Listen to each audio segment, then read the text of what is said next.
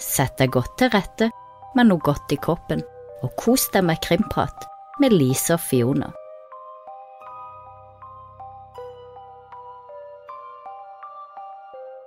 Velkommen til en ny episode av Krimprat med Lise og Fiona.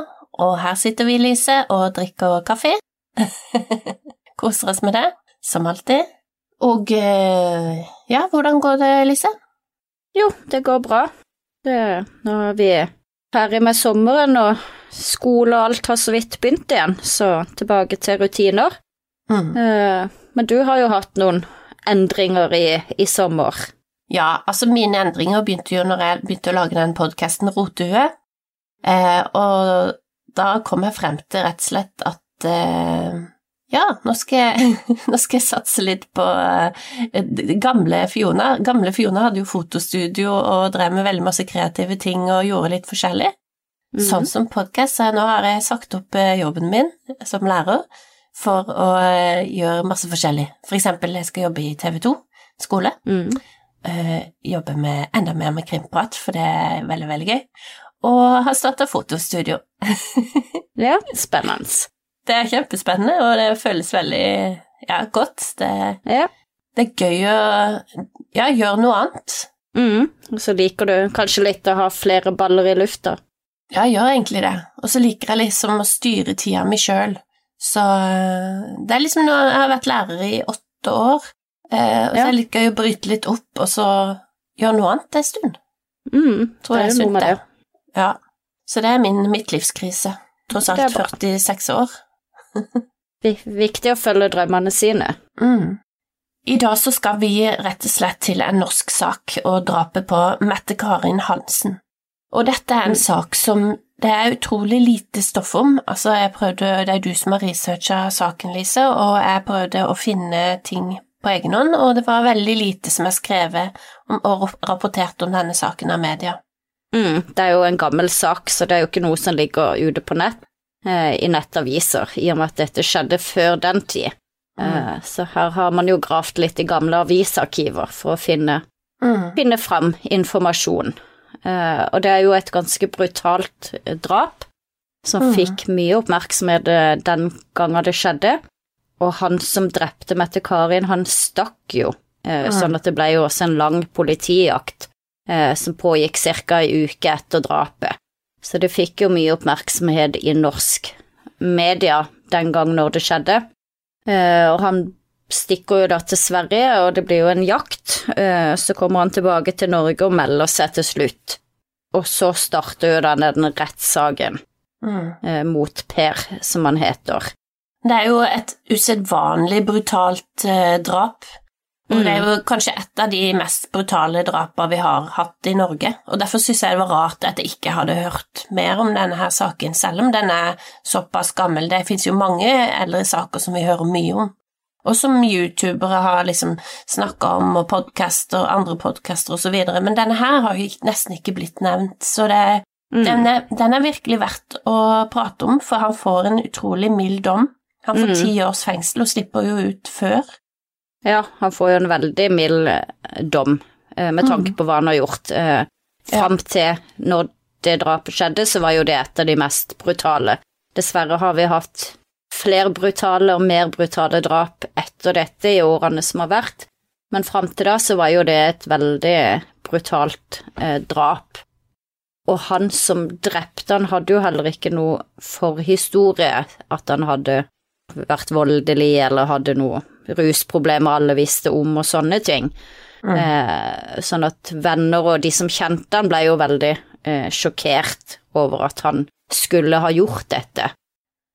Likevel så er det jo rus som blir formildende på straffen hans, da. Det var en miks av alkohol, ecstasy og amfetamin, angivelig. Mm.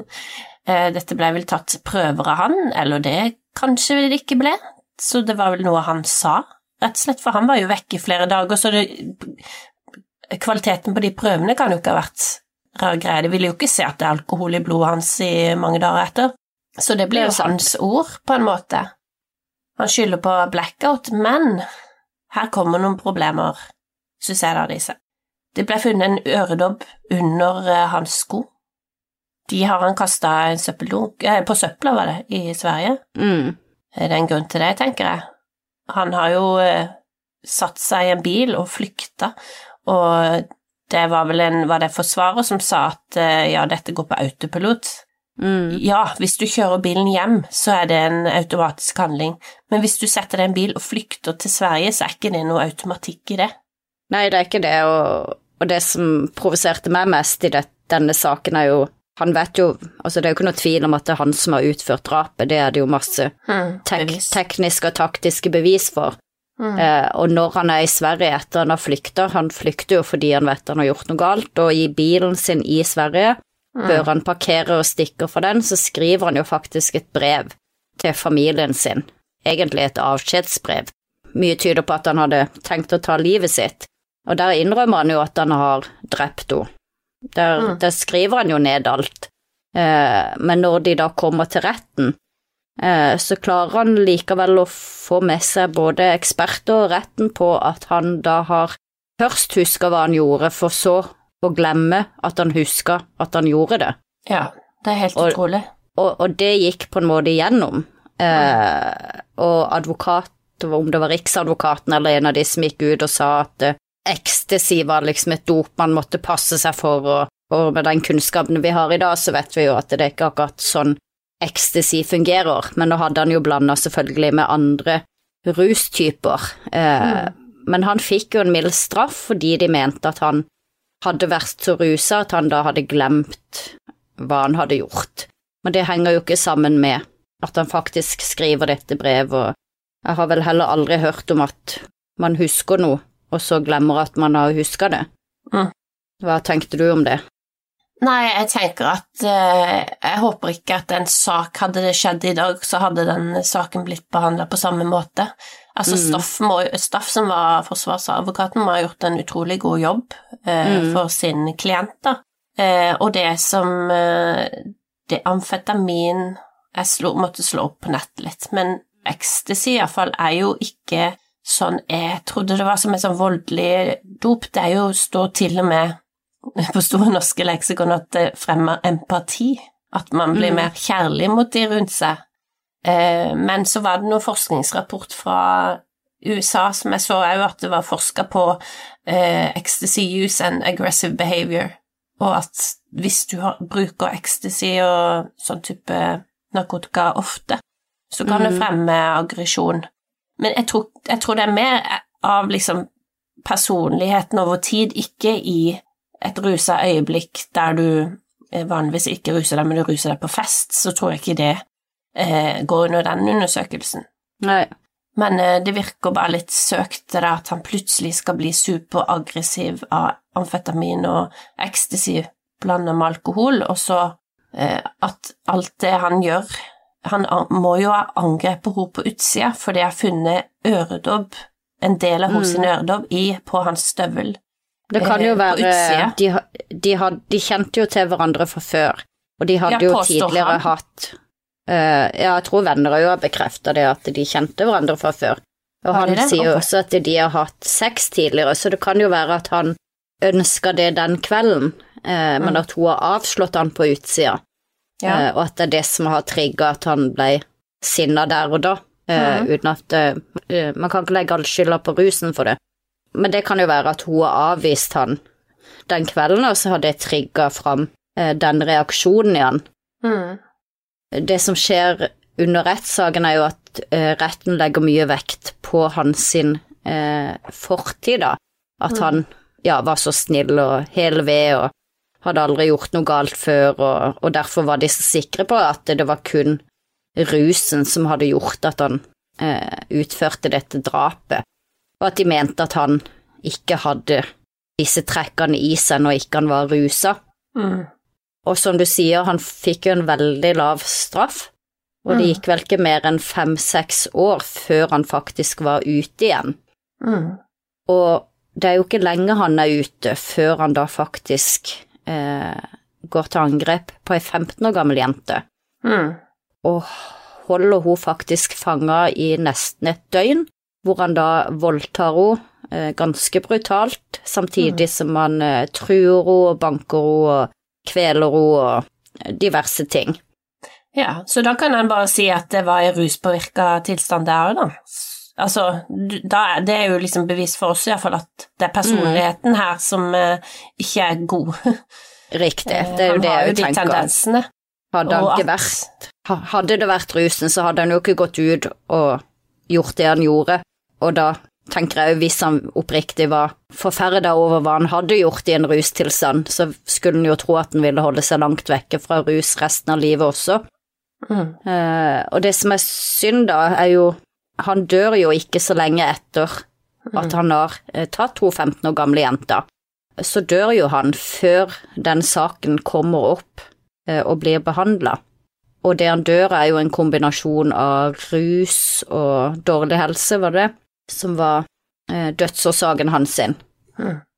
Og når han dør, så blir jo også denne saken henlagt Eh, den voldtektssaken mot hun jenta, så hun får jo heller aldri oppreisning for det hun gjennomgikk. Mm. Det er jo helt horribelt. Uh... Ja, det er jo det, for hadde de uh, Hadde de gitt en mer riktig straff, da, gått litt mer dypere inn på Nå hadde de kanskje ikke så mye kunnskap om rusmidler og syke som vi har i dag, men hadde han fått en mer reell straff, da, i forhold til hva han faktisk gjorde, kanskje fått bedre oppfølging etter han slapp ut, så hadde kanskje denne 15 år gamle jenta sluppet, sluppet det overfallet, da. Mm. Jeg prøvde å finne litt sånn i forhold til hvor, hvor, mange drap egentlig som blir begått av personer i rus i Norge. Og i 2019 så var det faktisk 75% av drapene her i landet som var begått av en person som var i rus. Eh, og snittet fra 2010 til 2020 var faktisk på 51% så det jo, var jo overraskende mange, syns jeg. Ja, Faktisk. men det vil jo ikke si at de som eh, begår en handling i ruspåvirka tilstand, for det første ikke husker noe, og for det andre er noe som ikke er intensjonen de sin. Riktig, og så vil jeg jo tro at mange av disse tilfellene er rus som alkohol, mm. og ikke andre rusmidler. Amfetamin kan man bli aggressiv altså. og paranoid av, Eh, men de andre rusmidlene er vel ikke akkurat sånn som man nødvendigvis blir eh, en drapsmann av. Alkohol vet vi jo kan påvirke folk, min far ble jo drapsmann i fylla, og det er det nok mange andre òg som har blitt. Men ja, det var veldig høye tall, jeg ble òg uh, veldig overraska over det. Men jeg tror det uansett om du eh, gjør ting i fylla, i ruspåvirka tilstand, du ikke kanskje nødvendigvis nødvendigvis ville trukket så langt i edru tilstand, da, så tror jeg likevel at du har en tendens i det. Altså en person som begår en grov voldtekt med gjenstand, som her, mm. kveling, eh, det var slag, du har noe i deg fra før, altså. Jeg mener, det kommer ikke ut av det blå. Hvis ikke så burde jo alt av rusmidler, alkohol, alt vært forbudt for lenge siden. Hvis det plutselig en helt Altså, at du, Lise, våkner opp og plutselig eh, slår i hjel noen. Ja. Altså bare fordi du har drukket mm. Ja, du tåler to sider, da. To, tre ja. sider, da. altså, det ville jo vært ekstremt skummelt. Jeg tror du har en tendens i deg til å være tilbøyelig for å utøve vold, da. Ja, det, men det er jeg enig i. Det, og så videre. Så, så at det blir brukt som formildende her der han stikker av han har tydeligvis overfalt henne på utsida, han har eh, voldtatt henne med gjenstand, det er så mange ting som sier at han burde skjermes fra samfunnet, og det er jo det det handler om. Enten må du få behandling og forvaring, eller så må du eh, skjermes på, i fengsel, da. Mm. Og det har jo ikke han blitt. Han har sluppet ut, og da ser vi resultatet. Han tar en annen eh, jente og voldtar henne. Mm. Så det er jo rett og slett bare dårlig håndtert av staten eller rettsvesenet eh, en god forsvarer, blanding av det, jeg vet ikke. Ja, Staff, Staff var jo en dyktig advokat, men det er jo et godt poeng det du sier, han stakk jo også av, og det var en lang jakt, mm. sånn at bare de tingene i seg sjøl burde jo gitt en ekstra straff, og det faktum at han faktisk innrømmer handlinger ved å skrive det i et brev. Så det var jo ikke noe tvil om at han var skyldig, men blir da gitt en mild dom utelukkende fordi han var rusa, og fordi at han hadde ikke gjort noe galt tidligere i livet, i hvert fall ikke som var registrert ja. hos politiet, da. I tillegg så er det han som blir trodd, for det er ingen andre som mm. kan si at han ikke var rusa eller uh, rusa. Det er jo han sjøl som sier at han var rusa, det er vel ingen andre som har noe bevis på det. Så de får jo ikke tatt de prøvene. De kan jo ta hårprøver og sånne ting for å finne ut Det kan de godt gjøre, men de får sånn ikke, de får ikke noen veldig gode svar, vil jeg tro, på den kvelden, hva som skjedde den kvelden. Så det at Det han det sier at han er blackout, det er jo må han bli trodd på. Han må bli trodd på at han drakk alkohol, det er det ingen som kan bevise. Eh, Mindre det er masse overvåkningskamera som viser at han heller nedpå, Mm. liksom. Det har jeg ikke hørt noe om. Nei, men vennene sier jo at han ikke drakk den kvelden, så det er jo kun andre rusmidler han har hatt. Han hadde kanskje tatt ei pils eller noe. Det står blant blanding alkohol, ecstasy og amfetamin. Ja, for vennene sier jo at når han kom, så uh, Han framsto jo helt edru. Mm. Uh, Derfor er det enda rarere at han ble trodd. så det virker jo som han kanskje har rust seg mens de andre har drukket, da, før idet de går ut på byen. Ja, hvis det i det hele tatt var rus inne i bildet, det, det, vet vi. det vet ikke jeg iallfall. Men det vil jeg jo tro at de har tatt noe tester og finne ut av, for det, de kan jo finne Det ligger jo i blodet en stund, det er jo ikke sånn at det går vekk. Ja, men nå var jo dette på 90-tallet. Jeg vet ikke om de hadde Ja, nei, en vet, påvise vet det på hårtester, da. Og, eller om de i hele tatt gjorde det. Jeg ser ikke noe svar på det. Jeg skulle gjerne hatt svar på det. Hva slags Mm. tester ble gjort av han? Men det vet man jo ikke, kan godt være at de bare tok han på ordet òg. Det Mm. Jeg skulle gjerne sett de sakene komme opp igjen, og at han faktisk, eh, selv om han ikke lever, fikk, fikk en dom, holdt jeg på å si, på papiret. Mm. Men at det, men at det var feil dom han fikk, det føler jeg jo at vi kan konkludere med. Ja, og pluss denne voldtekten i ettertid burde han jo også stått ansvarlig for, på en måte. Mm. Ja. Ja, han, fikk, han fikk veldig lav straff med tanke på hva han hadde gjort, og det kan man jo også se. Eh, Det er jo bare å sammenligne med andre drapssaker, som er mindre brutale, holdt jeg på å si, hvor ikke de blir mishandla og voldtatt uh, en time før de blir drept, Mm. hvor de har fått uh, kanskje til og med høyere straff enn det han fikk. Mm. Uh, Så det er ganske utrolig at, ja, at, at han fikk så lav straff, og, og så er det jo det at han, han dør jo ikke så lenge etter han slipper ut, og ikke så Mm. lenge etter han har voldtatt henne, og da det er vel derfor man ikke har hørt mer om saken heller, for da stopper jo alt opp, ikke sant. Mm. Han var jo ferdig sont, og voldtekten ble henlagt, og, Ja. og han er død, så da må de sette en sluttstrek. Mm. Men det hadde jo vært interessant å vite om de brukte sånne eh, saker til, til lærdom, da, om de går inn og ser at her, ja. her gjorde vi en feil, eller her dømte vi en feil, eller det var ting vi glemte å se på og ta med i betraktninger. At de kan bruke det som et nyttig verktøy. Og har reglene blitt endra, ikke sant? Sånn, la oss si at du begår en forferdelig handling i ruspåvirka tilstand. Eh, Mm. Du eh, Det er klikka i personligheten din. Jeg tenker uansett så må det jo komme en konsekvens, eh, selv om du ikke kommer bak lås og slå i mange år fordi du faktisk Ja, et eller annet. Eh, så må du jo bli skjerma fra deg sjøl, eller du må jo få eh, antabus eller noe som gjør at du ikke kan bruke rusmidler lenger. Ikke sant? Antabus er jo noe du kan jeg tror operere inn sånn at du blir veldig kvalm eksempel av alkohol, da. Mm. Eh, altså, altså, la oss si at du blir eh, Du må komme inn og ta drug-test, hva heter det, en mm. eh, en gang Ja. i måneden hos politiet for å skjerme samfunnet mot at du er rett og slett farlig når du eh, blir ruspåvirka. Mm. Og hvis du fortsetter med det, så må du inn. Hvis du slutter med det, ok, så er du ikke noe fare for samfunnet. Jeg lurer på om det har skjedd noen sånne type endringer, og, og blei han i det hele tatt sjekka når han slapp ut? Blei han tatt inn hver måned og uh, testa seg? Antageligvis så fikk han vel ingen rehabilitering i fengselet heller, i og med at han fortsatte å ruse seg når han kom ut av fengselet. Og det er jo det en- som gjør den dommen helt uh, horribel og feil i mine, mine ører og øyne. Altså, jeg syns jo det det må komme en annen konsekvens, og jeg håper de reglene har blitt endra, rett og slett. At hvis du gjør en sånn handling, ok, vi kan si at det, det er helt Altså, du skifter personlighet, da, og du Mm. begår en handling, og du blir aggressiv på grunn av at du har fått i deg et dop som gjør deg aggressiv. Ok, greit, formildende, enig, men eh, da må det ha en konsekvens, og du kan skjerme både deg sjøl og samfunnet i ettertid, og du må få behandling. Mm. Skjer det igjen at du bruker det dopet som gjør deg voldelig, skal du ryke inn en lang tid. Jeg vil jo tro at rehabilitering er noe bedre i dag enn det var i den tida. Vet du hva, jeg har ikke veldig troa på det, altså.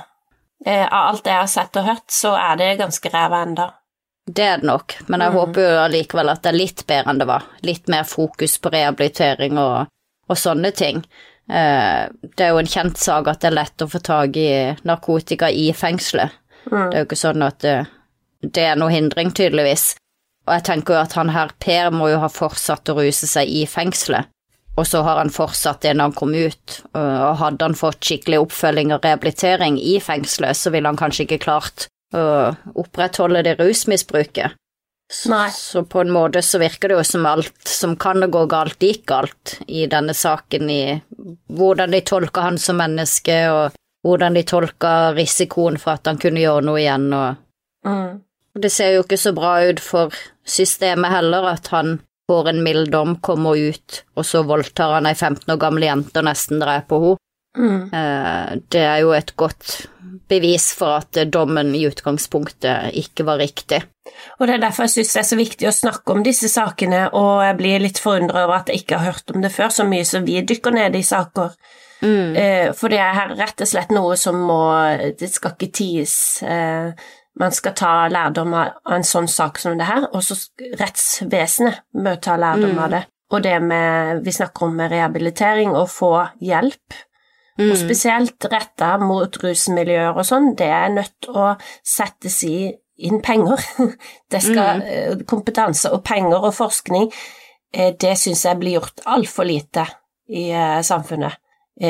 Du må legge inn penger der du kan få en gevinst på sikt, og som vi har snakka om tidligere, jeg blir veldig engasjert når jeg snakker om dette, for det gjelder, om, det gjelder skole, og det gjelder kriminalomsorgen, og det gjelder svake i samfunnet og folk som har vokst opp i hjem som ikke er bra. Fordi at de må, du må legge inn mm. penger for at du skal få en gevinst i fremtida. Mm. I, i samf en samfunnsgevinst, rett og slett. Ja. Mm. ja. man må det. Absolutt. Det er kjempeviktig med rehabilitering og, og oppfølging. Eh, mm. I og med at Norge er et land hvor vi fokuserer på å slippe ut igjen folk. Vi er jo ikke sånn som Amerika at vi burer folk inne for evig og alltid så enkelt. Mm. Eh, og så er det jo viktig med eh, mest mulig kunnskap og en grundig avgjørelse i sånne saker òg, så ikke man ender opp sånn som her, at man gir en altfor lav straff, og så går de rett ut og repeterer. Eh, og det går jo noe med, har jo noe med vår trygghet også i samfunnet å gjøre, at vi kunne stole på at politiet gjør en ordentlig jobb og ja. Uh, burer rette folk inne. Mm. Det, ja, nei, det var et uh, grusomt drap på Mette-Karin, og dommen var altfor lav. Og jeg håper jo som sagt at ting er litt eh, bedre i dag, at vi har mer kunnskap også, også om rus og hvordan det faktisk uh, fungerer. Nå håper jeg jo at hvis det sitter noen som eh, lytter på, som har god kjennskap til saken og har mye informasjon som ikke vi har fått med oss, så kom gjerne til oss og fortell oss om det, som vi kan ha en update. For nå gjør jo vi opp våre meninger på grunnlag av den informasjonen vi har, og det er jo veldig viktig i alle saker som vi tar for oss. Det er ikke alltid vi sitter med all informasjon, og derfor vil vi ikke få et sånn, så nyansert uh, syn på ting som vi gjerne skulle hatt, da. Mm. Eh, så jeg håper at dere er litt tålmodige og forståelsesfulle for oss der, eh, og kjenner jo jeg blir veldig engasjert i typisk sånne saker som det her. Um, så vil vi jo selvfølgelig gjerne høre hva dere tenker og føler om denne saken, og ikke minst dommen som ble avgjort. Så da diskuterer vi jo mest på Facebook-gruppa vår, Krimprat med Lise og Fiona. Mm. Det er vel der vi har de fleste diskusjonene, og så er vi selvfølgelig tilgjengelig på, på Instagram også. Men bli gjerne med i gruppa, så vil vi gjerne høre hva dere tenker om, om denne saken her. Yes. Da høres vi rett og slett i neste uke til enda en spennende episode. Har du et enkeltpersonforetak eller en liten bedrift? Da er du sikkert lei av å høre meg snakke om hvor enkelt det er med kvitteringer og bilag i fiken, så vi eh, gir oss her, vi. Fordi vi liker enkelt. Fiken superenkelt regnskap.